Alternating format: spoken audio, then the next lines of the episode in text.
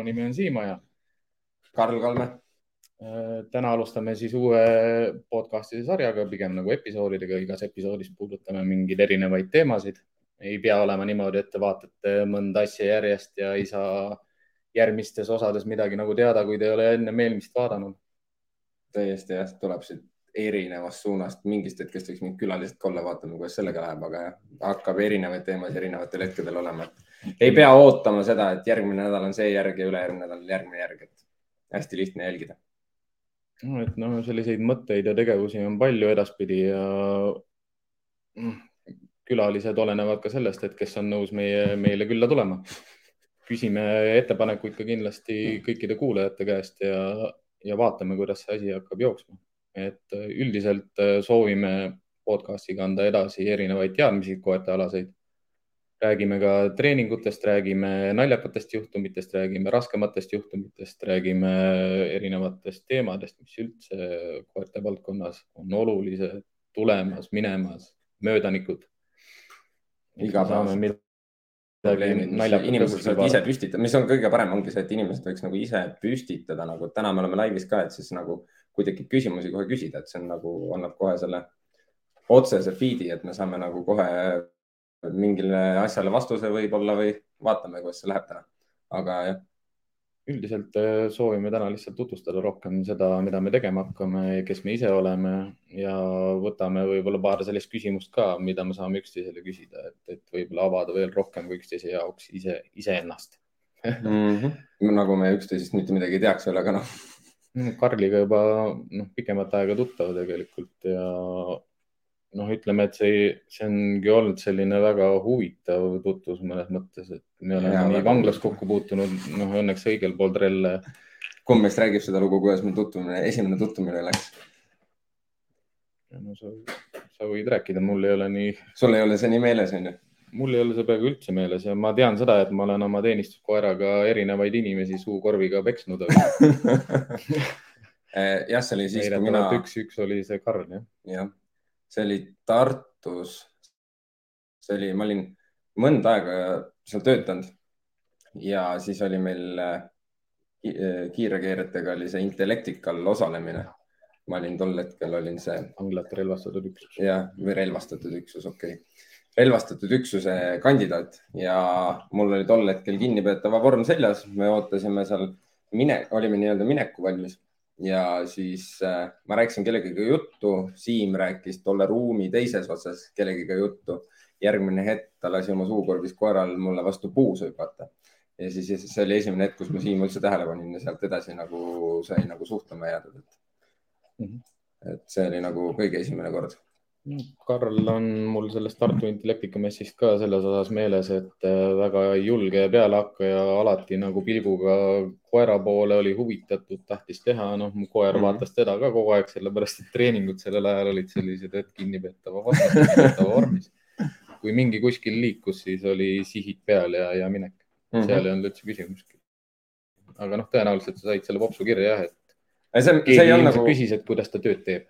see ei olnud nagu kuidas ma ütlen, see ei olnud nagu tugev pops, aga see oli piisavalt märgata, et see oli nagu koer hüppas pihta, jooksis Siimu juurde tagasi. mina vaatasin hm,, koer, noh, et eh, tolleks hetkeks mina olin juba eh, noh, mingil määral koertega tegelenud ja ma äh, see, mul see koerte ajalugu, sellest ma jõuan täna veel rääkida. mis aasta nagu... see võis olla ah?? mis aasta see võis olla? me just alles arutasime seda, et see pidi olema kaks tuhat neliteist või kaks tuhat viisteist oli alles ju. jah, alles, jah. noh, koerte, koertealasel tegelenud, kui ma nüüd mõtlen ise tegelikult juba kolmteist aastat hakkab täis saama vaikselt mm. -hmm no minule esimene, noh, ema on mulle saatnud siin mingi aeg-ajalt äh, näitanud pilte, mis ajast ma siin koertega tegelenud olen, et mul on siin, meil olid maal olid, noh, ma siis alustan sellest, et kust minu koerte ajalugu tuleb, et äh, minu, mul oli maal Albus oli siis jahikoerad ja meil oli siis äh, vanaemal ja vanaisal oli siis veel toas oli veel niisugune koer nagu Fox Terrier Merry. see oli mu esimene õpetaja. mida õppida. jah, aga ma ütlen, et äh, siiamaani kõigist Fox Terrieritest, ma arvan, üks kõige viisakamaid. et äh, ta oli üsna suur ka, et praegu kõik, kellega ma olen kokku puutunud viimaste aastate jooksul, on siuksed kitsakamad. Ta oli sihuke, ta ei olnud isegi üles öeldud, ta oli lihtsalt massiivne, ta oli kõrge, kõrgem ka kui praegu nagu, mida ma näinud olen no,. hea kehavormiga ja. jah, võib-olla võis olla ka see, et nagu ma olin ise väiksem, et ei pannud niimoodi kokku et äh, see on nagu esimene, ma, see on üks esimesi. siis oli, seal oli, meil olid perekonnatuttavatel sealsamas olid äh, ka olid jahikoerad ja seal oli see, et nendel oli nagu hästi tihti kutsikad ja siis ma olin see, kes seal puuris kogu aeg istus. Kui ma oma lapsepõlve peale mõtlen, siis ka tuleb meelde see, ma Charlie't nii hästi ei mäleta mhm. mm. -hmm. see oli mu vanaema vanaisa koer. ta oli minu arust puudel, ma pakun puud et noh, ütleme nõukaajal, Nõukogude Liidu ajal saada puudel endale Eestisse nagu üsna harv nähtus.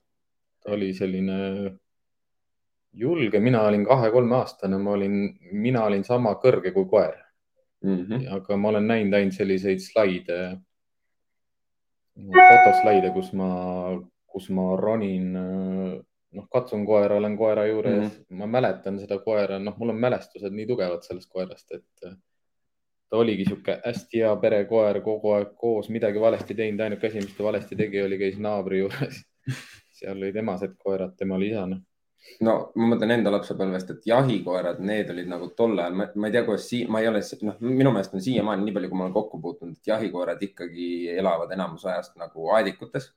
et äh, see meil, meil vanamal vanaisal, noh, eelkõige siis vanaisal, kuna ta oli jahimees, tal olid siis nad ühes suures aedikus. ma mäletan siiamaani suur palk oli keset seda kõrgemale tõstetud, koerad elasid nagu hundid seal.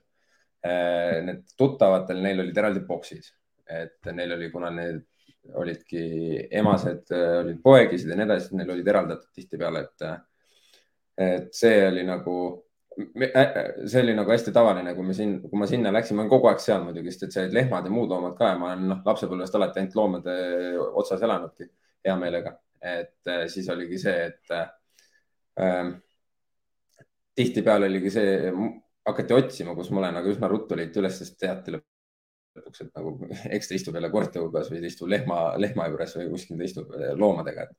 et eh, ma pigem veetsin aega jah loomadega nii palju kui võimalik. ma ise mõtlen ka, et ega siis, kui Charlie't enam ei olnud, eh, ma arvan, seal oli ikka päris pikalt korralikult nagu vahe sees, enne kui, kui mu pere, kuidagi on kogu aeg nii olnud, et peres on tegelikult koer olnud okay., aga ta ei ole olnud selline kunagi minu jaoks mitte nagu teadlik valik, nad on nagu sat, sattunud alati meie juurde mm. -hmm. mul on naabritel olnud koerad ja üks koer, kes mul oli, see lahkus üsna varakult. järgmine oli naabritädi koer, temaga ma sain hästi läbi, tema jäi auto alla. Äh, siis ma sain endale elukaaslase koos koeraga mm,. No, see koer? oli, see oli natuke pikemalt nagu pikem teema, aga see koer oli Pekingi palee koera ja mingi polonka segu, ta oli sihuke pisikene karvane. mida see koer mulle õpetas, oli, mida tähendab tingimusteta armastus ja lojaalsus okay.. nagu noh, ma ei ütleks, et sellised koerad on harvad, aga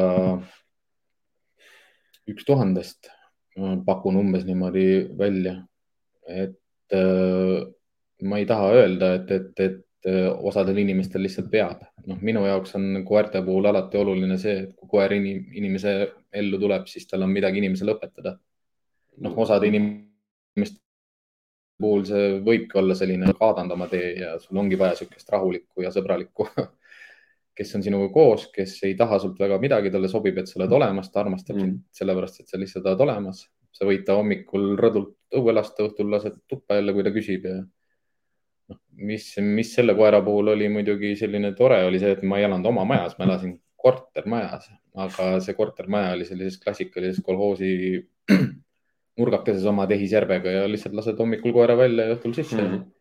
noh, aga see, see ei olnudki see aeg, kui ma üldse koertest midagi ega noh, nüüd ma saan aru, et ma ei teadnud koertest mitte midagi. ega ma mõtlen selle peale, kui ma nagu lapsepõlves, noh, mul oli see õpetus oli nagu koheselt, et kuidagi jäi silma, et nagu vanaisa koertega näiteks ei olnud seda, et vanaisa oleks õudselt oma koertega rääkinud.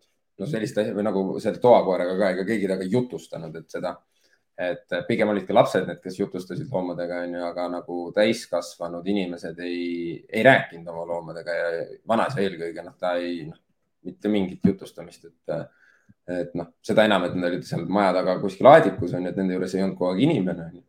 aga nagu see, mis on nagu tänapäeval hästi tavaks saanud, et oma koeraga räägitakse, oma koduloomaga räägitakse, siis tol ajal seda ei olnud ja minul ei ole ka see nagu otseselt külge jäänud, ma vahest ikka midagi nagu räägin, aga nagu pigem on see sihuke. ei tahaks päris selle teema juurde veel minna veel ei taha minna et kui palju koertega räägitakse ja millistel puhkudel ja mm., ja noh, kui sa, noh, meie käitumisspetsialistidena mm. külastame kliente. noh, sa ei saa kellelegi otseselt kaela lennata seal nagu väga kiiresti, aga aga meelde tuletada lihtsalt pidevalt seda, et või küsida, et kas sa päriselt ka räägid nii palju oma koeraga mm. -hmm. et seda ei ole vaja nagu üldse teha või noh, no tegelikult jah, mul on rohkem selline, et räägi oma koeraga siis, kui magab ma võtsin selle Stanley Coweni raamatust äh, Sündinud haukuma mm., kus ta seletas, ta on kliiniline psühholoog ja ta seletab nii kenasti selle ära, et miks sa oma terjeriga ei räägi siis, mm. kui ta üleval on mm. aga noh, sellistel teemadel ka ilmselt. Äh, sellised teemad meil tulevad kindlasti sisse. Need, sellised teemad on nagu hästi pikad ka, et nagu nendest meil see teaduspõhi seal all ja kõik see, et see võt-, noh, see, see läheks täna pikaks, aga kuhu ma tahtsin enda nagu selle tutvustusega veel jõuda, oli see, et mul on veel, ema saatis mingi aeg pildi, kus ma olin, mul teine maakodu Viljandis oli, siiamaani. Ja seal oli meil sakslane ja see, ma arvan, esimene kord, kus ma nagu selle, sellisesse tõusse või sellisesse nagu looma noh, jäin täiesti kinni, et nagu mul on terve elu olnud silme ees sakslane, mingist hetkest tekkis muidugi Mali ka sinna, aga nagu üldiselt on see sakslane olnud, et noh, kes teab, siis äh, mu enda koer on ka üsna sakslase välimusega, nii et, et äh.... minu, minu kujunemisloos oluliseks ma pean seda ka, et, et selle Pekingi palee koera mm. Polonkasega, selle ma otsustasin ise, ise magama panna, eks ma ei tahtnud, ükski võõras inimene teda puudutab mm., ta ei usa-, noh, ta usaldab ju mind jäägitult, noh, sa saad aru sellest ja ei suutnud kellelegi teisele lubada seda mm.. tal on valus, ta on haige, ta on vana mm..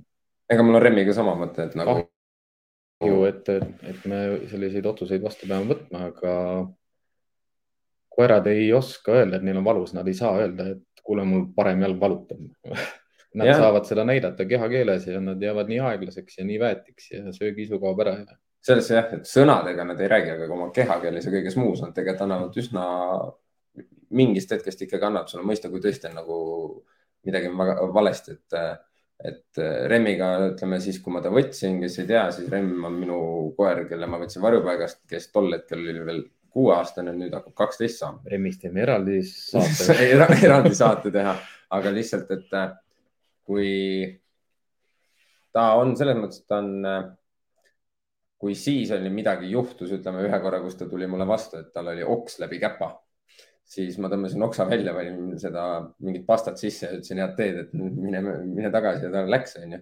siis praegu ikkagi, kui ta kuskilt nagu miski valutab, see nüüdseks ikkagi annab mõista, et äh, eks see vanus hakkab sinnapoole ka jõudma, aga. jah, väikeste koertega mõnus ikka, kui nad elavad selliseks kuueteist, kaheksateist aastaseks mm, -hmm. panevad nagu väga-väga pikalt, et seda on mõnus. eriti kui sul veel lapsed ja kõik, kõik eri, noh, kasvõi erinevad elukaaslased käivad läbi, las ta jääb noh, fast forward on ju, läksin vanglasse tööle, töötasin vanglas valvuri spetsialisti millena erinevatel ametikohtadel ja. aga kuidas sa sinna üldse tööle sattusid? ma olin, noh, minu, minu õpetuskasvatus üsna konkreetne ja selge olnud, et kui sa saad täisealiseks, siis mida sa passid sinna mm. tööle. aga noh, need töökohad, mis tavaliselt kaheksateistaastastel poistel sel ajal oli valida, oli ESS või, või ESS. ESS jah Läksin ESS-i, ESS-ist Falki, Falgist G4S-i mm., noh, niisugune areng oli ja võib-olla juhtus niimoodi, et ma tulin sealt äh, G4S-ist ära, sest ma tahtsin minna Kunstiakadeemiasse õppima. Käisin lihtsalt sõbra juures abiks, samal ajal kui ma koolis käisin ja mingi hetk, noh, kooliga läks ka niimoodi, et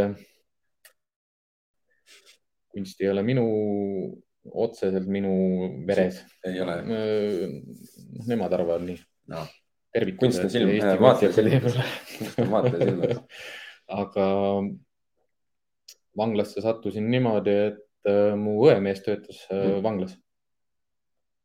Ja ma otsisin tööd ja ma ei saanud kuskile, siis ma mõtlesin, et ah, ma ei hakka ropendama, andsin talle lihtsalt oma CV kaasa, ütlesin vii, vii vanglasse, neil on mind vaja. noh, otsivad ju halvureid. siis ta tuli selle CV-ga tagasi, ütles, et sinna oli suurelt peale kirjutatud, et ei sobi ma mõtlesin, noh, noh, natukene seda pättust on kõik poisid teinud ilmselt mm. mingis vanuses ja ma sain aru, et võib-olla mis esimese ülevaatuse või kiire taustakontrolliga mm. nagu selgus, et, et võib-olla mitte mm. aga ma ehmatasin sellest, ma ei ehmatanud ära, mul oli nii palju seda aragantsust ja enesekindlust, ütlesin, et kuule, mis mõttes ei sobi, mine tagasi mm. räägi kellegagi. ja no üks inimene võtti, oli nõus, noh, tervitused Margole. ta võttis mind sisuliselt, võeti mind niimoodi vanglasse tööle, et tema vastutab mm., kui midagi on valesti.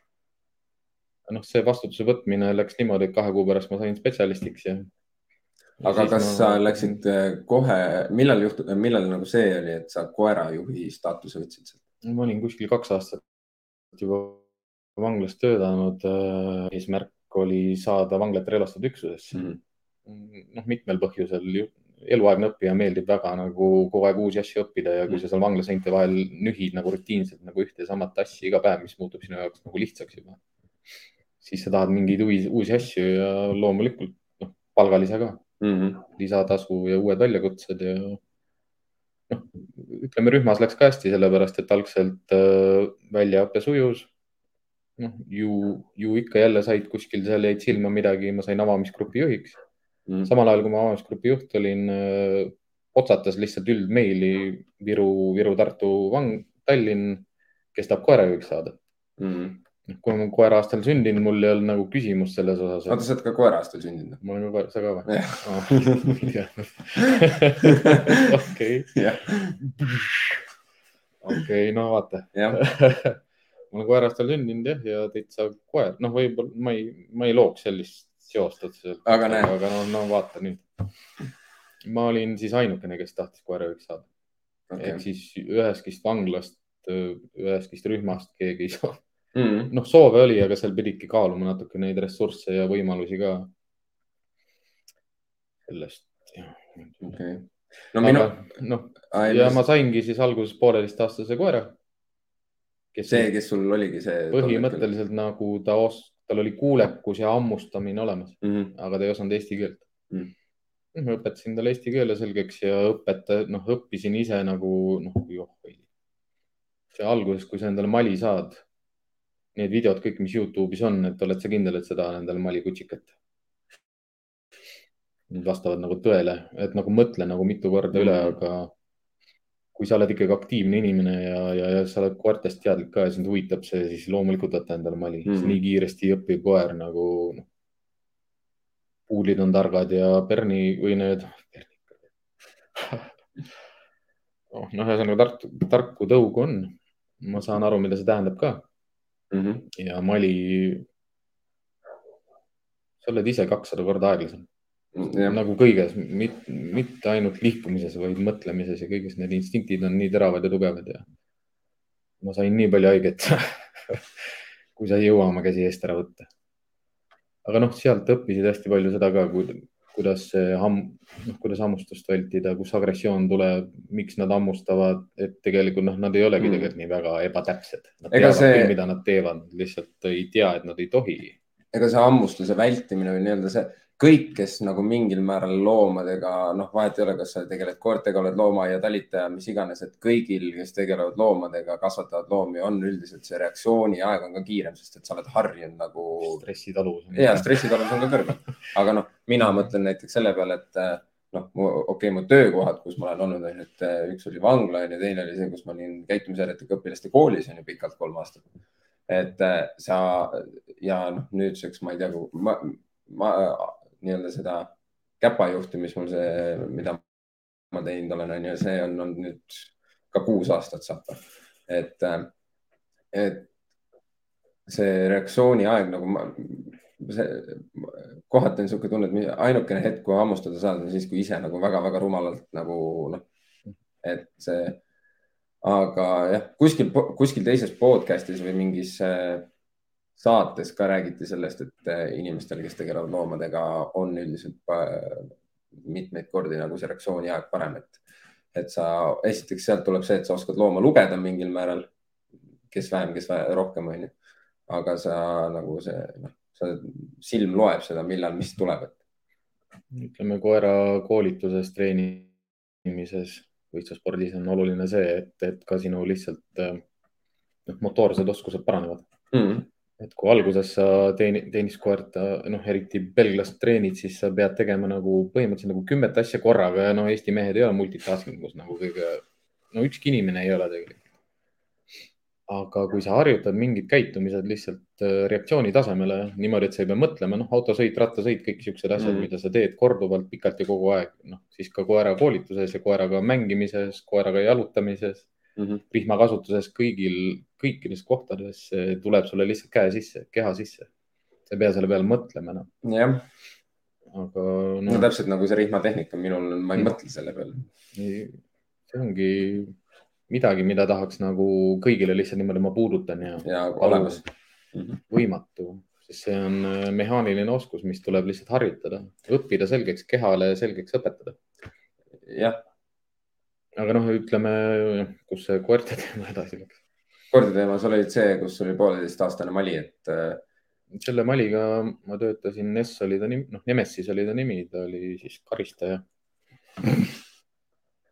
ma ei teadnud äh, koertest mitte midagi, mulle õpetati igasuguseid erinevaid asju, ma sattusin äh, koera valdkonda, tenniskoerte maailma, noh, nii õigel ajal, kui üldsegi vähe saab jõuda nagu kuskile mm. -hmm kui sa oled nagu kahe piiri peal niimoodi, et üks koolkond läheb välja ja teine tuleb sisse samal ajal ja sa ei näe mitte ainult nagu muudatust nagu teoorias ja praktikas, vaid sa näed ka muudatust koertes ja loomades nagu,. kuidas ka neljateist aasta vanune koer lihtsalt on hoopis teistsugune, kui sa üks päev võtad klikeri kätte ja hakkad talle klikerkoolitust mm -hmm. tegema. et noh, tema maailma mõõtmed muutuvad nagu sügavamaks, kõrgemaks, noh, igasugused nüansid tulevad juurde mm. -hmm mis see oligi, teenistus, koolid, noh, minu puhul oli hea see, et ma olin seitse kuud järjest murastes mm., mitte ma ei käinud niimoodi, noh, vahepeal iga kahe nädala tagant. ma elasin seal põhimõtteliselt, noh, ma ei elanud koha peal, ma sain iga päev sõita sinna mm. ja tagasi, kaasa arvatud laupäev, pühapäev, seitse kuud järjest ehk siis sa tegid seda põhimõtteliselt sama asja, mida mina tegin varjupaigas alguses. noh, sa said iga päev koeri vaadata. mitte ainult vaadata, et selles suhtes, et ma ei käinud neid vaatamas, et eh, ega see oligi, et me ju vahepeal ei suhelnud. Eh, sest mina eh, noh, lihtsalt ei puutunud kokku ja järgmine hetk, mil me kohtusime, oligi varjupaigas puht juhuslikult. sinna ma tulin juba oma mõlema koeraga. jah, siis no, oli sul teise kaks... koerani, noh, ma jõudsingi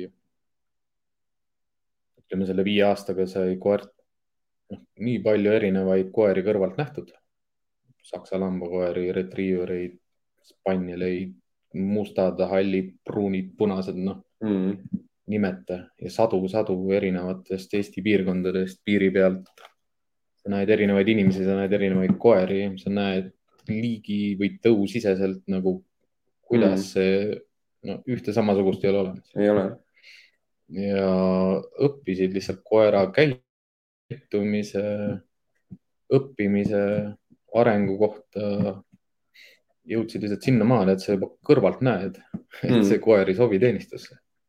sest ta ei ole, noh. see on siis, esi, see on siis sellest esimesest koerast jutt, kes. esimene siis... koer jah, noh, sa pead, ta peab sündima mõnes mõttes selleks mm, -hmm. et ta sobiks teenistusse mm. -hmm noh, mis minu mure oligi see, et ta tegi kõik atestatsioonid ära, et sellega ei olnud üldse mingit küsimustki.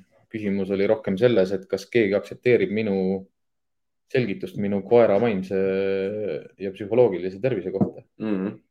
kellele ma räägin Eesti, Eestis on ju mure selles, et, et seda ei õpetata ju noh, mitte üheski riiklikult akrediteeritud õppekava raames, aga mm -hmm. noh, sa pead, sa pead ise õppima põlve pealt, noh see, mis raamat sulle kätte juhtub, millist koera sa näed, kus sa oma eluperioodil asud, see õpetab sind palju rohkem kui noh, ükski kool, mis võib olla nii sinu kui minu puhul on positiivne, ongi ega see ma..., et me oleme õppinud, õppinud läbi praktika. ega see, ega see, see on, mina võrdlen seda kohati sellega, et kuna ma olen noh, aastaid tegelenud võitlusspordiga ja sealhulgas siis äh, Brazilian Jiu-Jitsuga ehk Jitsi teinud siis äh, seal on hästi palju räägitakse sellest, et äh, hästi palju loeb Mati aeg ehk siis palju sa seal saalis Mati peal oled, onju. Mhm. minu meelest koerte ja üldse loomadega on samamoodi, et mida rohkem sul seda kontaktaega on, seda rohkem sa õpid, seda rohkem sa noh, seda mugavamalt ka sa ennast tunned, sest kui ma võrdlen sellega, mis ma näiteks kuus aastat tagasi äh,, siis kui ma Remmiga, ma tundsin küll ennast looma, loomade ja koertega mugavalt, aga siis ma hakkasin seda teenust ka pakkuma ega esimene aasta ma veel ennast nii mugavalt ei tundnud kui praeguseks, et praeguseks on see sihuke mm -hmm. hea vaba aja veetmise võimalus. Mati aega. ja Mati aega on nii palju olnud, et mina näiteks sellest, äh, siis kui ma varjupaika läksin, ma läksin, noh, mina läksin varjupaika puhtalt sellepärast, et ma tol hetkel olin endaga pahuksis täiesti ja ma tundsin, et mul on vaja tagasi loomade juurde või noh, koertega just, et kuna ma lisaks sellele, et meil maal ja nii edasi olid, mul lapsepõlves oli see, et äh, koju meil ei lubatud kunagi nagu kodu nagu enda koera mul ei olnud enne remmi. Ja meil koju ei lubatud ja, ja siis oli see, et tuttavate koeri hoidsime tihtipeale, et nendega ma tegelesin ja siis juba siis mulle ei meeldinud, et koer tirib näiteks ja siis ma noh, sealt õppisin juba siukseid asju, aga siis ma läksingi varjupaika ja noh, see boost mis ma sealt nagu erinevaid käitumisi ja erinevaid koeri sain, see oli meeletu ja see ja see ajavahemik, kus ma jõudsin nagu mingeid nagu seda asju õppida, see oli nagu hästi lühike tegelikult, et äh, lihtsalt asi oli selles, mul oli hästi palju vaba aega, ma olin endaga pahuksis, ma tundsin ennast seal hästi. ma läksin hommikul kella üheksaks varjupaika kohale, ma ei töötanud seal, ma olin vabatahtlikuna kirjas ainult. ma läksin hommikul kella üheksaks sinna ja õhtul kell üheksa lahkusin ja ma ja niimoodi esmaspäevast pühapäevani, et äh, hästi pikalt ma niimoodi seal äh, nagu veetsin aega ja ma mäletan seda, et kuidas minu Remmiga tutvumine oli, oligi sellel esimesel korral. ja siis äh, öeldi mulle seal nagu sellel mm, vabatahtlike nii-öelda sellel vestlusel, mis seal oli esimesel päeval, et kes Remmiga esimesena sõbraks saab, see on vabatahtliku koordinaator. no kolm päeva hiljem ma sain Remmiga sõbraks, seda juttu räägime kunagi hiljem, kuidas see kõik välja nägi aga esimene koer, kellega ma tegelikult tutvusin seal oli, oli Muki, keda mina kutsusin looduskatastroofiks. Esiteks ta nägi välja nagu oleks Tšernobõlist tulnud, et see oli nagu, tal olid karvatutid igalt poolt laiali ja ta oli sihuke, hääl oli sihuke imelik ja sihuke nagu kähisev ja sihuke vahepeal kadus ära see hääl ja suu liikus ainult onju. siis noh, me võime, me saame mõlemad Siimuga nagu rääkida, Siim veetis ka, käis ikka mitmeid kordi seal et äh, no, minu oligi... jaoks kõige, kõige ägedam kogemus selle varjupaiga puhul oli see, et mulle anti see vabad käed nii-öelda mingeid asju teha ja näiteks ma sain koerte karja moodustada. ehk see, kus sul on ikkagi kümme kuni viisteist täiskasvanud koera ja kutsikaid näiteks sealjuures ja nagu see, see on hoopis midagi muud kui see, mida me tänapäeval harjunud oleme inimestena, et see on hoopis ägedam vaadata ja see, kuidas koerad arenevad oma, omavahel koos olles ja et äh, see siin oleks kohe nagu disclaimer ka kõigile, et äh, me päris kõigest ka ei räägi. jah, päris lihtsalt kõigest. ei saa. võib-olla vaatame äkki mingi. ei ole midagi halba teinud, lihtsalt. Äh, ei, me oleme võtnud endale selliseid elukogemusi, korjanud, kus me oleme kogunud tegelikult veel rohkem arusaamu sellest, kuidas koerakarjad töötavad. aga minu, minu üks, üks lahe oli see, mida nagu mul hästi meeles siiamaani on äh, see läheb Remmiga küll kokku, Remmi story'si, neid ma arvan, jäämegi siin aeg-ajalt ikka tuleb neid, aga varjupaigas oli koer Preili, kes sai kutsikat seal.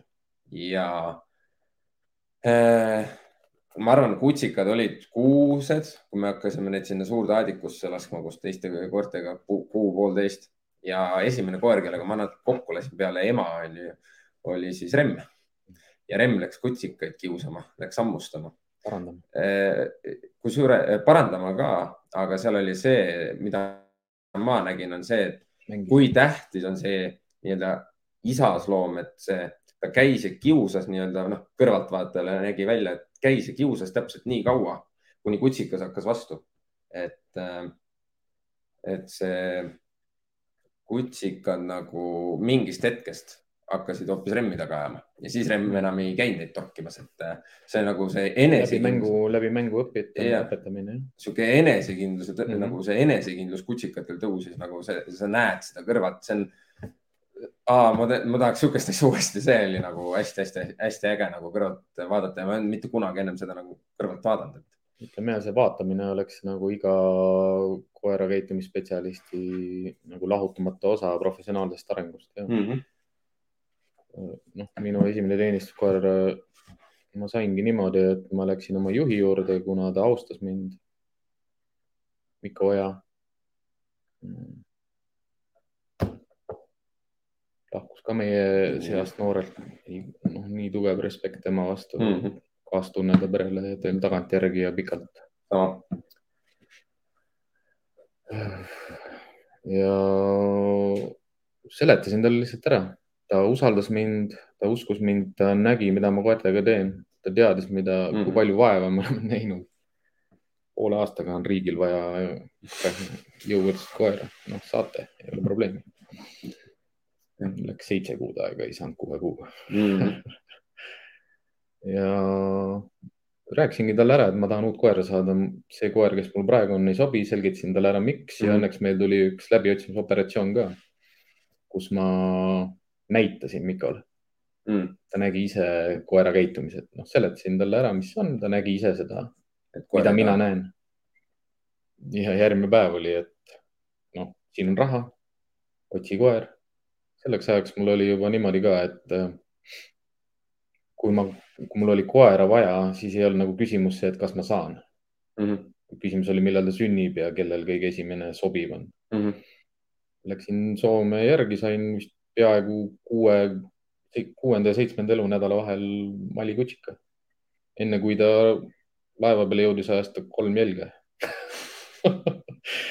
et sihuke professionaalse kretinismi oli nagu korralikult ja ma teadsin täpselt, mida ma tahan. Mm noh, ma arvasin, et ma tean täpselt, mida ma tahan, ütleme pigem niimoodi. selle koera ma koolitasin selliseks, nagu teenistusse sobib, Mm -hmm. kutsikast peale. kõik täpselt nii, nagu peab olema, et ta oleks piisavalt enesekindel, tahe hammustada, karda mitte midagi, arvab, et ta on noh, number üks maailmas, kõige tähtsam üldse. jumal, siit tuleb nii palju sellist nagu. ei, siin jah, siin nagu see, see näiteks noh, mina, see, ma olin varjupaigas ju kokku mingi poolteist aastat ja pärast seda olin ma veel loomakliinikus ja ma saan see, sellest kogemusest mingi hetk rääkida, et nagu neid kogemusi on nagu hästi palju. ma, üks põhjus, miks ma varjupaika ka läksin peale selle, et ma endaga paugutasin, oli see, et ma tahtsin seda niisugust assortiid erinevaid koeri, et ma ei noh, see, see. justkui nagu ise, ise välist. jah, et seal oli noh, see, see tegelemine oli hoopis teistsugune, kui ma nagu enne seda koertega tegelesin, et seal oligi see just see, nagu sa ütlesid, et kõik, kes tahavad nii-öelda seda koera käitumisega tegeleda, see, see vaatustunnid seal all peaks sadu, olema siuksed sadu, sadu, sadu koeri ja sadu tunde.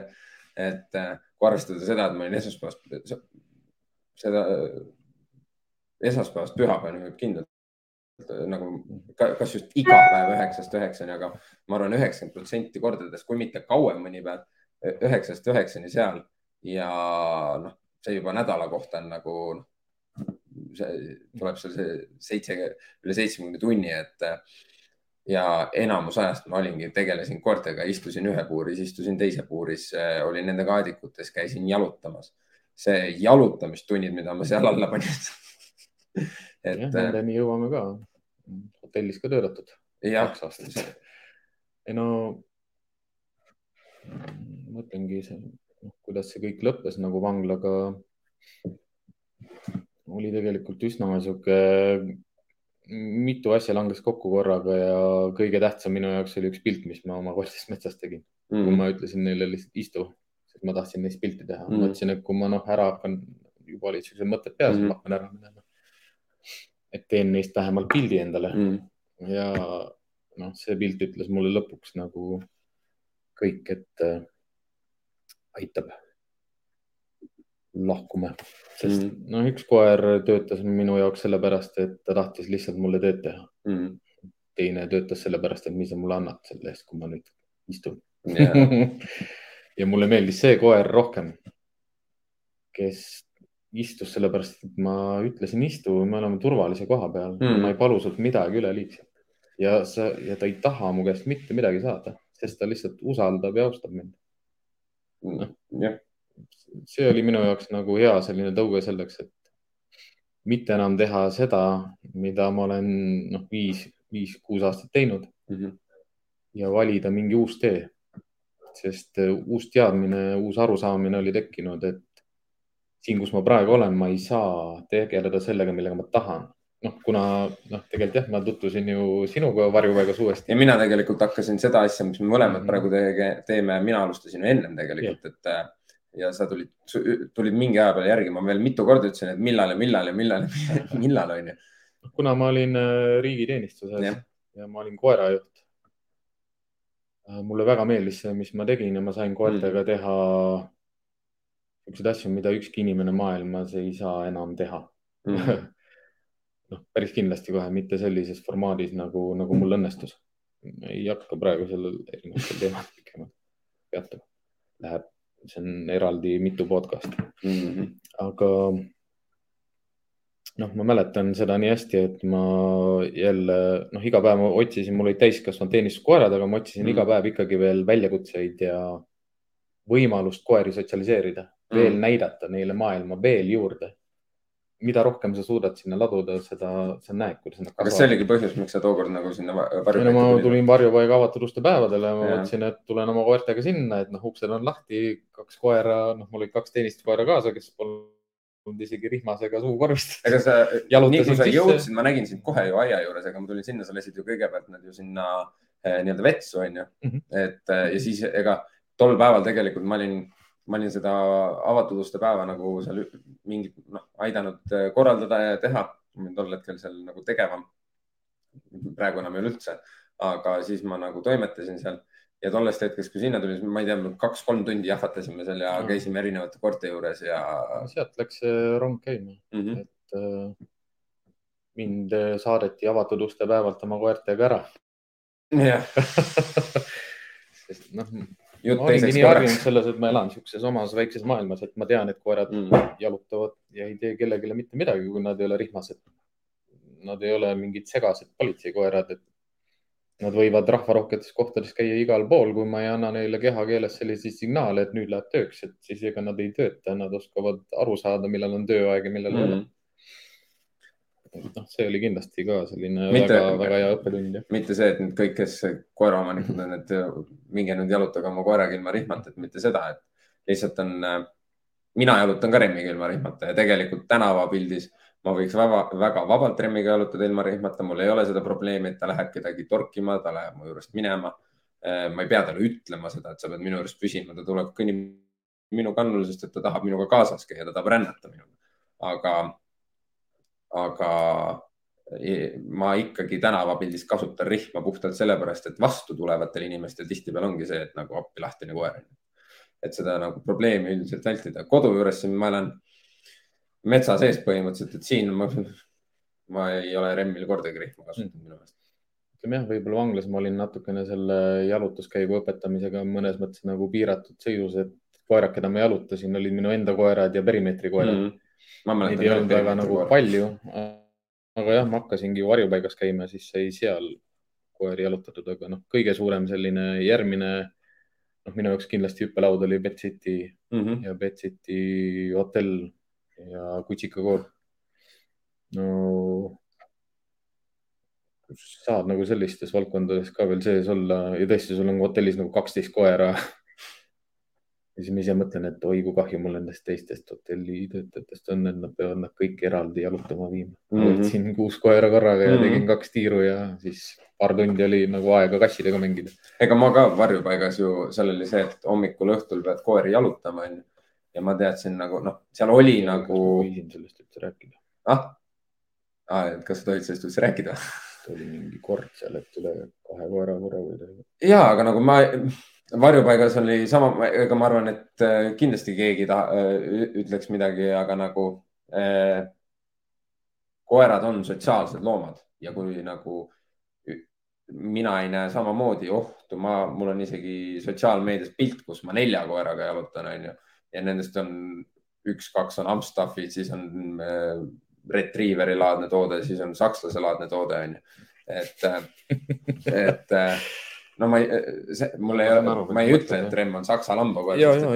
Nagu, aga pärast öeldakse veel, et ma olen miljardaja või ma ei tea, mis asi, et et äh, aga mina lasin samamoodi õhtul, mitte ei viinud koeri aedikusse, suurde-aedikusse, vaid ma tegin puuri uksed lahti mingi õuele, et äh, ja keegi ei läinud tegelikult oh,. Oh, sa oled ise selle karjaga koos, on ju, see ei ole päris nii, et, et sa lased nad õue, nad viskavad kuskile sinna aeda pikali ja siis ajavad oma asju. me tuuseldasime seal ringi, ega see õhtune see osa, kuna seal varjupaigas nagu ikkagi ma loodan, et siiamaani käivad inimesed jalutamas koertega ja kui te ei käi, siis minge, kui teil on võimalus, onju et need koerad kindlasti vajavad seda, et äh, see, nad olid päeval, enamus neist olid ikkagi noh, seal kilomeetrite viisi jalutanud, kes kaks-kolm, kes neli-viis tundi onju. Äh, ja õhtune aeg oli sihuke relax, et nad saidki vetsus käia, teiste koertega aega veeta korraks. selline, selline teema nagu, et kas sa valisid ka, keda sa koos võtad? Äh, mingil määral ikka, et seal oli, kes olid vähem sotsialiseeritud, sa ei saanud kõiki kokku lasta, et äh, aga samas, samas võisid, vot see ongi see, et koerad võivad sotsialiseeritud olla. kuidas sa küll oskad valida? kuidas ma oskan valida, ma vaatan, mis koera kehakeel mulle ütleb ja ma näen ju, milline koer, noh, mhm. sina näed samamoodi, et äh, sa näed koera käitumisest, mismoodi ta.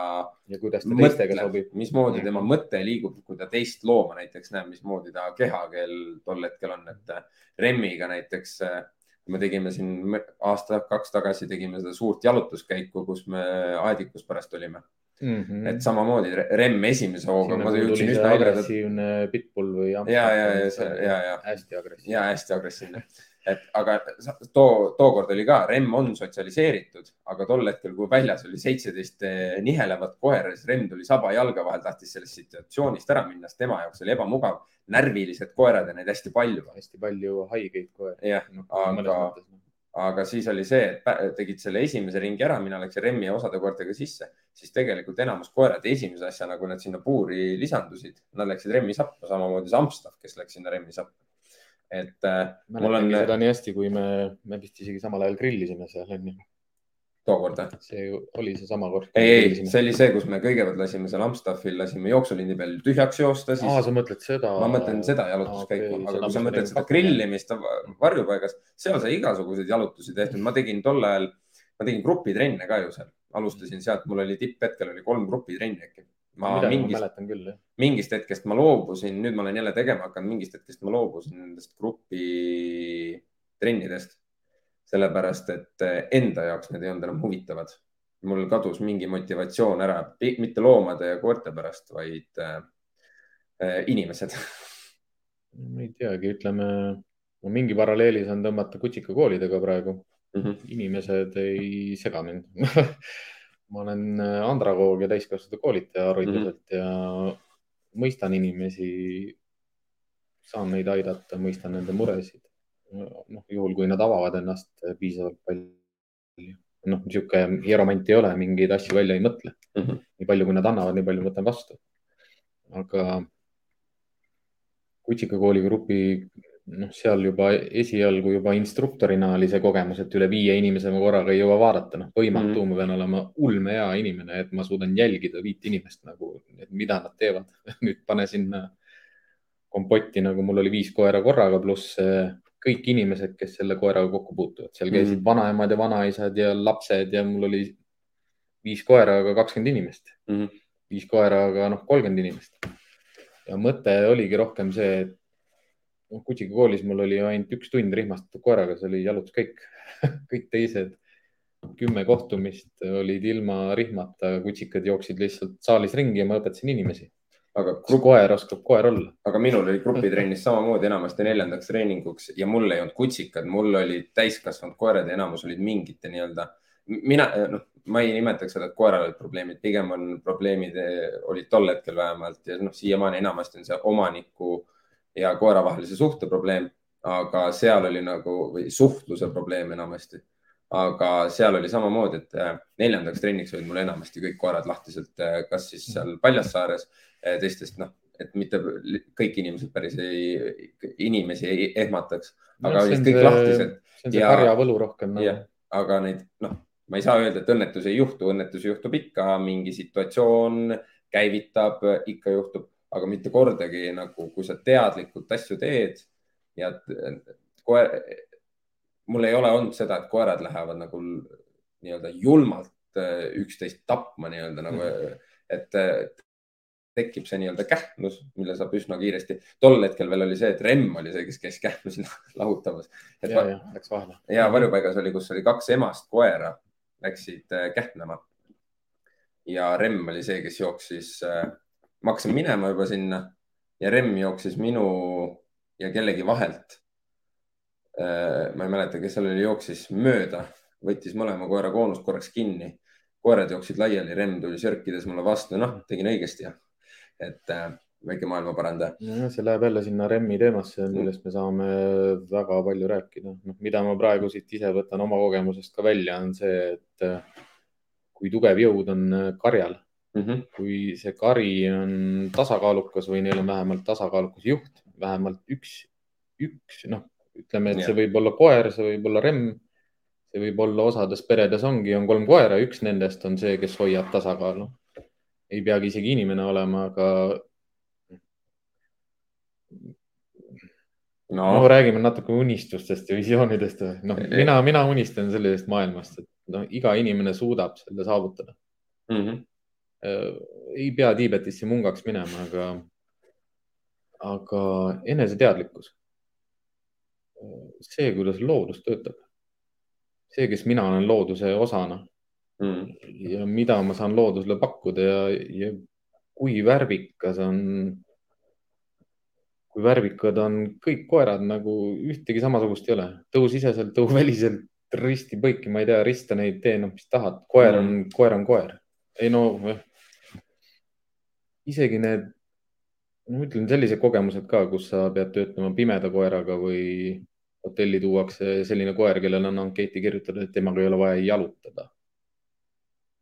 noh, kõik, kõik sellised asjad, et selle valge koeraga ei tohi talvel väljas käia. kui palju näiteks sina oma töös äh, lähtud sellest, mis on koera tõugu etiketi nii-öelda kirjutatud, mis ta on?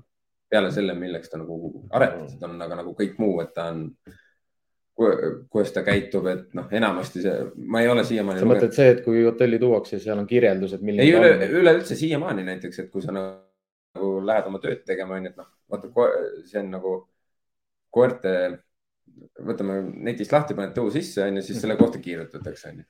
vaatan ajalugu. ajalugu onju, aga palju sa lähtud sellest, mis enamasti kirjutatakse, et on hästi sõbralik ja tore perekoer ja siis. ei, ega ma kunagi FC standardeid ei vaata okay., ma vaatan Vikipeediat Vikipeedia on nagu, ta on nagu rahvateadus mm, -hmm. nagu sinna võib igaüks kirjutada midagi sisse mm -hmm. juurde. mind ei huvita see oluliselt, et äh, ma ei loe seal need, mis on need levinumad haigused ja tüüpiline välimus ja kehaehitus ja kuidas ta käitub, selliseid asju ma ei loe, ma loen alati ajalugu ehk siis history't. milleks ta aretatud on? kust, kust riigist ta pärineb miks ta üldse nagu Eestis olemas on, on ju, et kui on kirjutatud, et väljaspool päritoluriiki ei ole koer, koer saadaval, noh, ei tohiks olla. ja mul on äh, Kutsika koolis on kaks tükki. kes? mis tõud? Tai Ridgeback näiteks. Tai Ridgeback, jah. või üldse sellised hästi eksootilised tõud, noh igasugused Ridgebackid tegelikult. no Eestis on üks tõug, kellega mina ei ole siiamaani kokku puutunud, kellega ma tahaks, on kangal ma ei tea, mul ei ole selliseid tõuge, kellega ma tahaks kokku puutuda, aga mul on selliseid koeri, koeratüpaaže võib-olla, kellega ma tahan kohtuda, noh, et ega meid ei kutsuta ju selliste koerte juurde, kes on korras. No. me ei tule, ma, ma ütlen, et meid ei kutsuta perede juurde, kus on kõik korras. kus nendele kõik sobib. mõjutab selle koera käitumist ja, see koer sellel hetkel mm -hmm. on tasakaalust väljas mm. -hmm. ta ei ole, ta ei ole terve, noh ta on nagu, saa nagu sihukest paralleeli tuua, et sa lähed Wismarisse ja vaatad koridori peal ringi. no aga põhimõtteliselt on, sest ta on vaimselt lihtsalt haige, Mm. noh ei, aga ei ole iga kord, vähemalt mina võin oma töö nagu enda kli- klientide, et iga kord ei ole koeral ai, tegelikult, küll. koeral ei ole alati midagi viga. Koer võib täiesti korras olla, aga eile käisin vist, eile käisin Tartus mm -hmm. küsisin, noh vahest ma istun seal kuskil põrandal ja siis küsin, et äh, mille pärast te kutsusite mind Mm -hmm. sest äh, noh, mida mina ja mida sina ei näe, on see, et kui me lähme klientide juurde, et kuidas koera käitumine muutub kohe jah, ja kuidas ma seda seletan endale või kuidas ma tajun. inimene ei hakka mulle kohe rääkima, et kuule, niisugust asja on küll näinud ei ole, mida ta praegu teeb, miks see nii on. noh, seda kuuled jah, et ta on hoopis teistsugune. see, see on jah, viimased, ma ütlen, ma arvan, minul on viimased kolm aastat kindlasti juba see, kus on nagu, see on, noh, see tuleneb sellest, et esiteks me oleme nii pikalt tegelenud, et see rahulik enesekindel sisseminek on juba nagu sihuke, see koer tajub selle ära, et selle, ma lähen, endal on nii, mul on nii palju neid näiteid, kus klient kirjutab murest, et koeral on agressiivne ja see ja too mure onju, siis ma lähen juba selle, noh, ma enam väga nagu ei pööra sellele tähelepanu, mis see mure on, enne kui ma näen seda koera. Ja lähed kohale, jutt on agressiivsest koerast onju ja siis ma tean, mida sa mõtled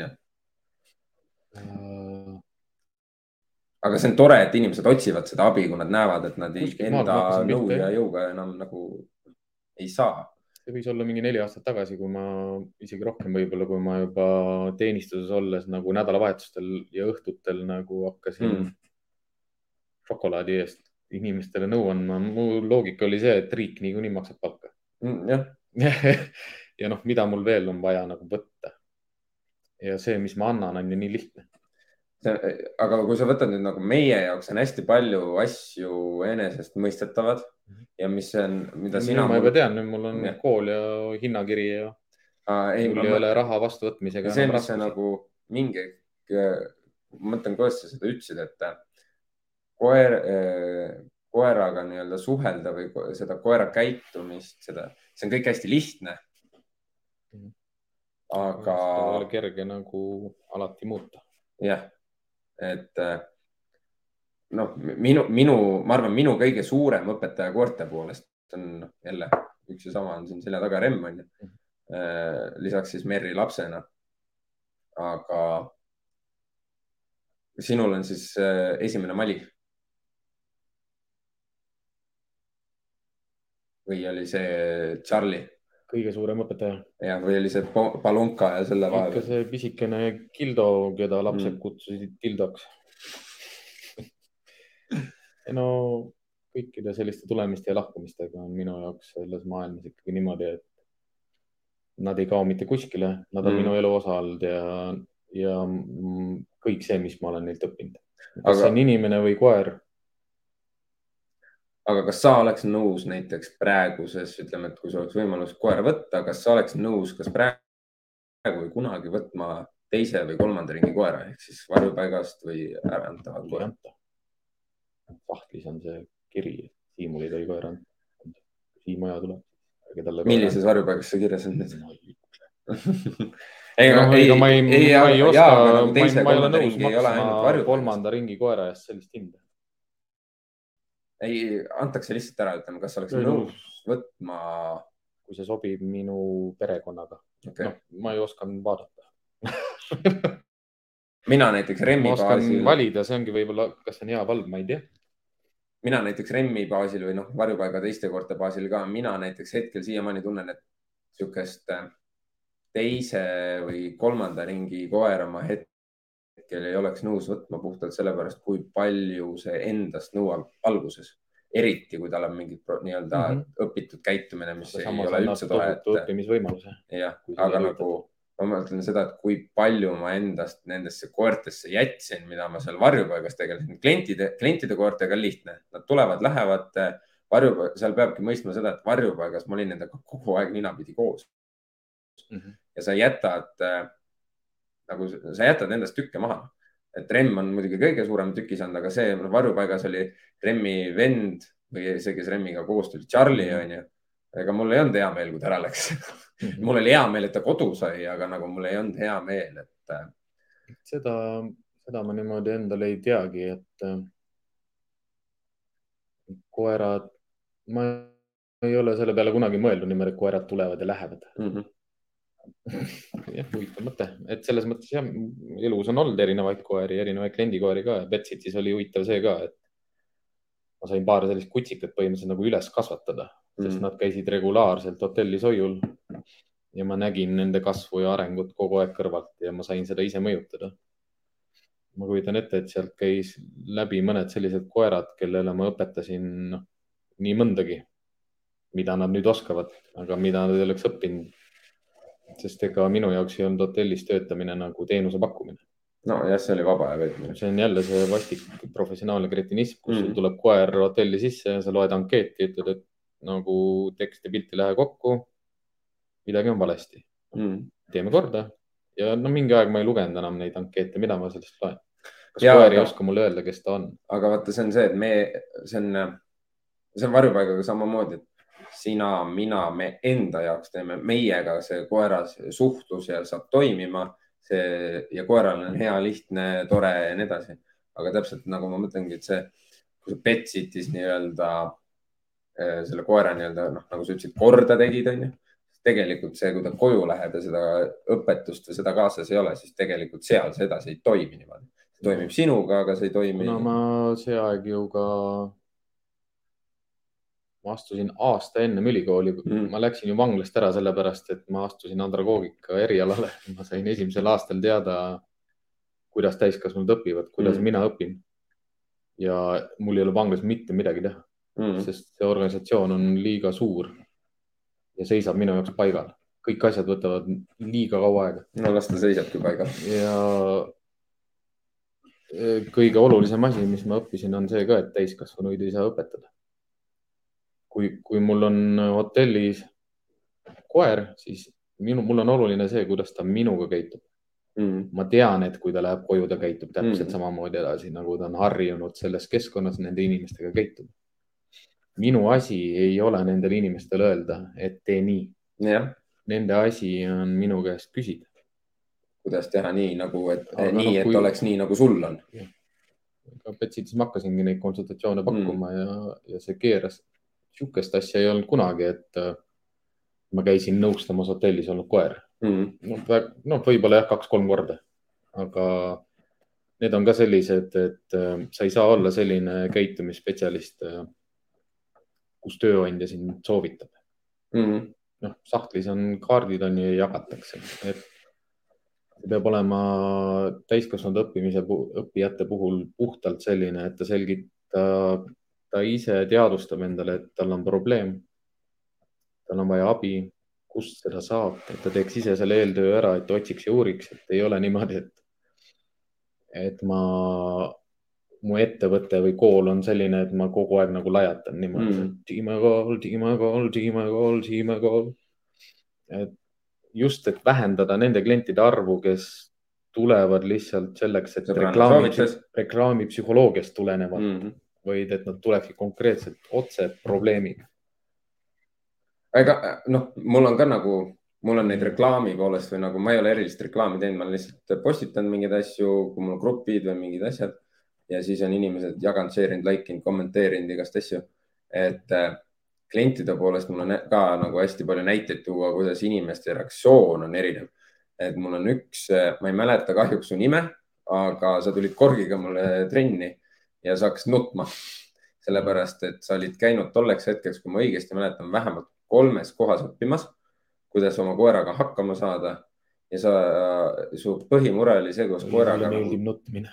jah, ja kuidas sa koeraga saad niimoodi jalutada, et ta ei tiri sind ja kak, kaks minutit hiljem minuga jalutas, su koer ei tirinud ja siis sa lihtsalt, et see ähm, tervitused kõikidele andragoogidele, transformatiivsest õppimisest käib jutt. jah, et äh, see, neid teenusepakkujaid meie valdkonnas on üsna palju nüüdseks, isegi väga-väga palju. et äh, ja neid on seinast seina. et äh, ma ei teagi, kuhu ma selle jutuga nüüd jõuda tahtsin. see on vist mingi teine teema. ma saan aru, kuhu sa tahad mm. -hmm. sellega jõuda, aga sama asi, et ma hoian ennast, ma ei uuri. Ma teen oma asja. Jah, ja jagan võimalikult palju informatsiooni selle kohta, noh, mida ma teen ja millest ma aru saan, selleks on ka see podcast loodud, et Mm. et edaspidi jagada inimestega erinevatel teemadel oma kogemust, meie kogemust, pikaajalist ja sisukat ja noh, kogun lihtsalt nii palju teadmisi, arusaamu, kohtumiste lahendusi, jutte, mida inimesed sulle räägivad, noh, tõesti see teema, et te olete viies Mm. ja ega see ongi, et neid lugusid inimestel on nagu hästi palju erinevaid, mul on küll Rootsist käidud, mul on Soomest käidud, ma olen ise Soomes käinud tegemas, üle Eesti käinud tegemas. Neid lugusid on äh, hästi palju seinast seina. et äh, ja eks, eks ma, eks me hakkame nende podcast'ide jooksul neid lugusid aina rohkem avama erinevates teemades, mingid nä- näited toome, et, et ähm, äh, aga see Korgi oli küll, ma mäletan seda, mul oli, mul oli sellest neiu, neiust nii kahju, et nagu ta oli nagu, ta hakkas nutma ja mitte sellepärast, et oleks õnnetu olnud, vaid ta oli vihane, et ta on käinud ja käinud ja käinud, onju. mitte, et keegi teeks, ma, ma kunagi ei laida maha seda, et käiakse selle või kolmanda või neljanda treeneri juures. jumal tänatud, et inimesed käivad, sest et äh, on ka neid kohti, kus ma, kus ma olen käinud äh, niimoodi, et koer ei ole kunagi inimesega koos aega väga veetnud ja tegemist oli üheksakuuse sakslasega. Ja see ei ole lõbus vaatepilt tegelikult, et see noh, ta oli ikka metsistunud, ta ei olnud kunagi, tal ei olnud kunagi kaelarihma kandnud, et äh, kas oli üheksa või üheteist kuune, ma täpselt ei mäleta, aga nagu see oli, ma polnud ennem sellist asja näinud, samamoodi ma polnud muidugi näinud sellist koera nagu Remm oli ta alguses, aga noh, Neid asju on palju jah, mida koerad on näidanud, mida nad suudavad. selliseid asju, mida sa ei kujuta ette ka. mm. -hmm. aga noh, praegu niimoodi jooksvalt ma olen jälginud seda vaatajate hulka. Mm -hmm. Üle kahekümne väga ei ole saanud, kolmteist on praegu neid vaatajaid. püsivalt on seal, ongi kolmteist kuni viisteist oleks. teada ka, kas keegi lehvitab või ütleb hei jah, küsimusi võib ka küsida. ja oleks, kui, kui keegi kasvõi midagigi mm, midagigi. kommentaaridesse lisaks kasvõi tere. saame ära testida selle, et kas me näeme teie kommentaare ja loomulikult on kõik äh, küsimused ka täna tervitatud, aga kuna me oleme juba üle tunni aja siin. jah, inimesed on väsinud meist äkki, kuigi, kuigi tahaks lo,, tahaks loota, et ei ole, et no näe ja tuleb. no hei, hei. ei, ei. Läki saadab tervitusi. Blackisid, see on nii populaarne koera nimi. Rainer, äkki saad täpsustada? jah, Rainer äkki täp- täpsustab. ei, me tegelikult äkki ei hakka inimeste nimesid ette lugema, et, et äh, ega jah, mõlemal ma arvan, meil neid Blackis on, on omajagu. tšau, tšau. tere, tere. töötab. töötab vähemalt, see on nagu positiivne, et töötab, et äh, kui me järgmine kord jälle laivi tuleme, siis me anname kõikidele vara, varem teada ka ja, ja. püstitame teema kindlasti. ja ei mustasid sakslasi. ja mustasi sakslasi Blackisi olen ka päris mitmeid nagu kohanud. nimi on Blacki ja ta on must sakslane hmm.. Hmm. väga huvitav. aga ega meil, meil ei hakka kõik podcast'id laivis ka olema, et me hakkame üles laadima neid, et äh, kindlasti tahaks Spotify'sse. kõik populaarsemad YouTube. striimimiskanalid ja podcast'i kanalid saate kuulata, saate mm -hmm. vaadata. teemad, teemad oleks väga mm, tänuväärne, kui, kui publik ka seda juhiks nagu, et mis teemadel me võiks rääkida. hakkame rääkima, võite vabalt soovitada külalisi, me ise tegeleme sellega, et need külalised teatud kontekstis meie juurde saada. Mm -hmm. eesmärk on jagada nii, nii teadust kui teadvust, kui arusaamu, kui ilmselt juhtumeid. meil tuleb, noh, me saame, te võite videosid meile saata, te Mhm. võite kirju meile kirjutada vabalt. et äh, Käpa patrulli email on siis patrullijad at, at gmail.com. Mm, ja noh, ütleme kõikide live stream'ide jooksul võite vabalt lisada kommentaare ja küsimusi, et kõik asjad jäävad meile alles, kõik me kindlasti võtame läbi, ei ole üldse küsimustki selles osas. et need podcast'e ei tule siin ainult üks-kaks, et neid podcast'e me panime siin, see oli eelmine nädal äkki või, kus me lai, üks ühe, omas kodus, teine omas kodus, kus me istusime Google Drive'i pärast kõnet maha ja. oleme ja, siin, et jääda. jah, et me ladusime neid teemasid sinna päris palju kokku ma toon korra selle loo toon küll sisse, kust see podcast'i mõte meil tuli, oli puhtalt sellest, et meie Siimuga omavahelised kõned muutusid kolme-neljatunnisteks. Need olid, enamus kõned kippusid mingist hetkest ikka väga-väga pikaks kuluma. Need on märkamatult pikad jah, aga podcast'i mõte.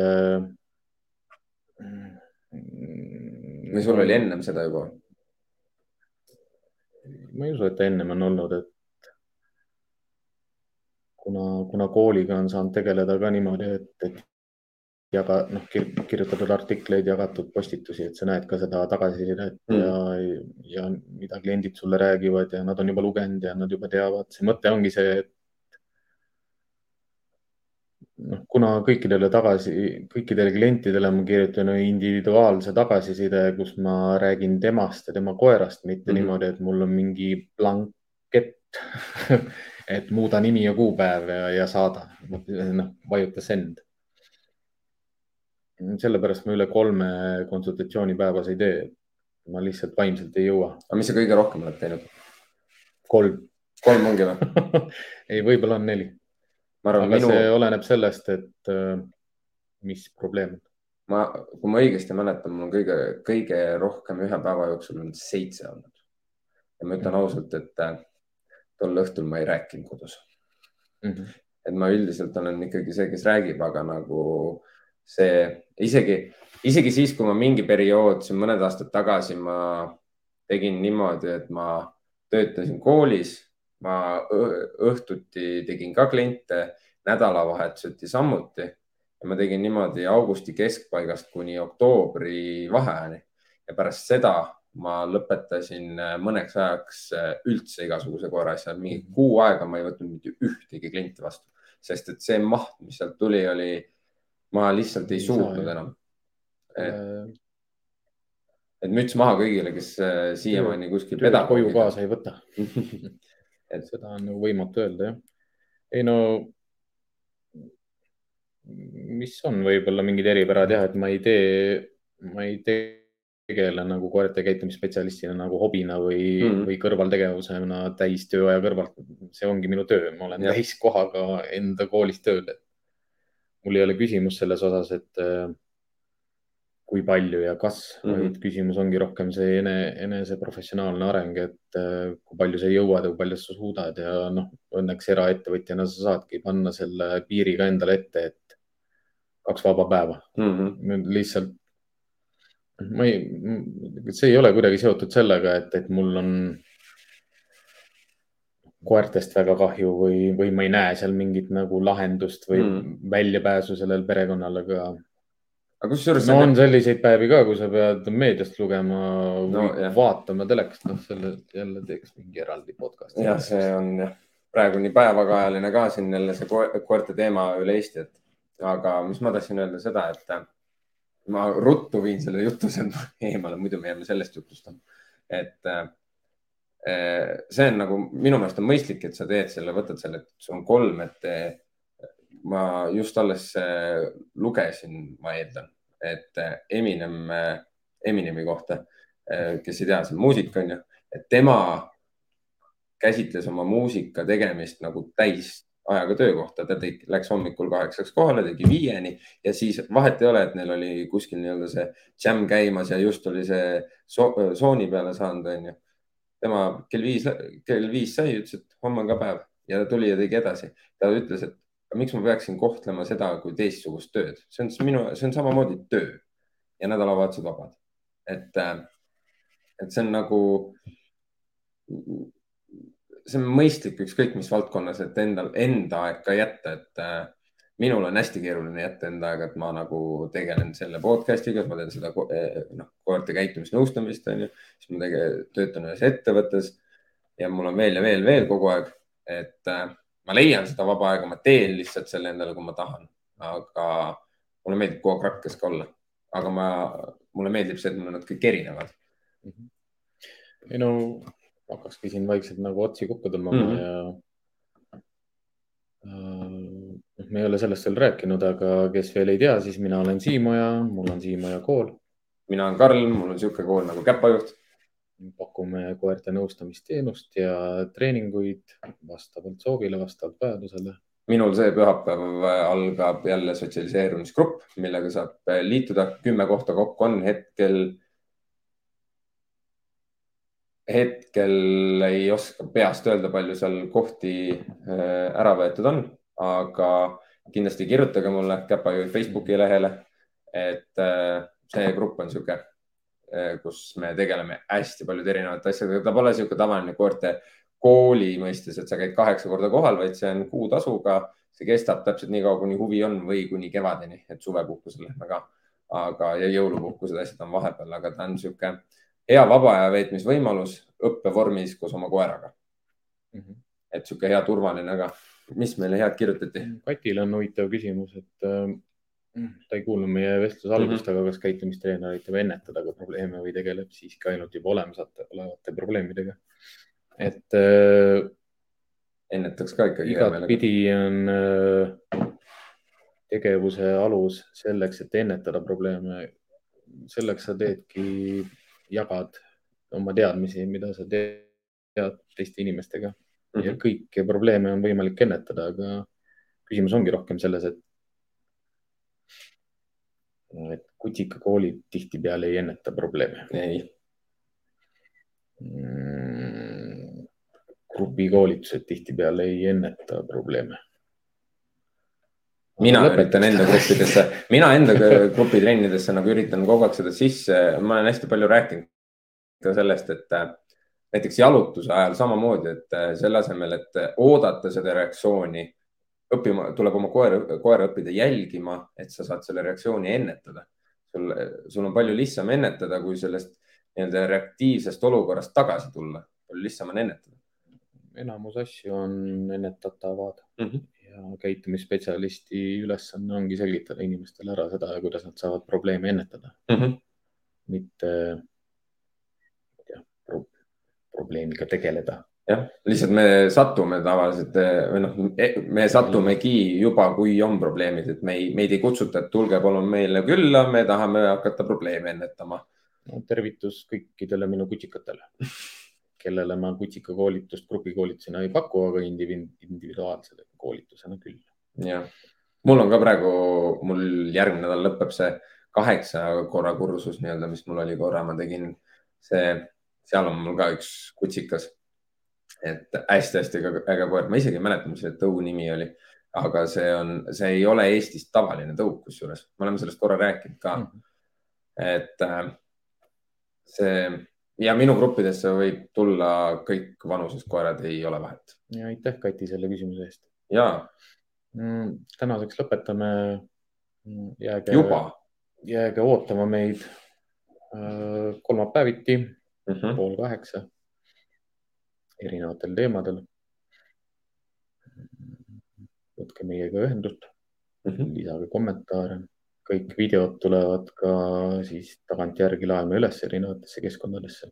hashtag'id, like'id, kõik asjad. proovime võimalikult vähe neid lõigata ja modifitseerida, et kõik läheb selliselt üles, nagu ta tuleb mm. -hmm. ei mingit skriptimist, ei mingit eelnevat tööd. No mingil määral me mingi töö ikkagi teeme, et päris nagu niimoodi. ma ei tea, no shit luck loomulikult mingi töö tuleb teha. ja, ja, ei, me tulemegi iga kord puusalt äh, tulistama. aga suur tänu kõikidele vaatajatele. aitäh teile. näeme ja kuuleme teist ja peangi lõpetama sellega, et teadmatus ei ole lollus. jah. head aega. head aega. kuidas ma vajutan siia? Niimoodi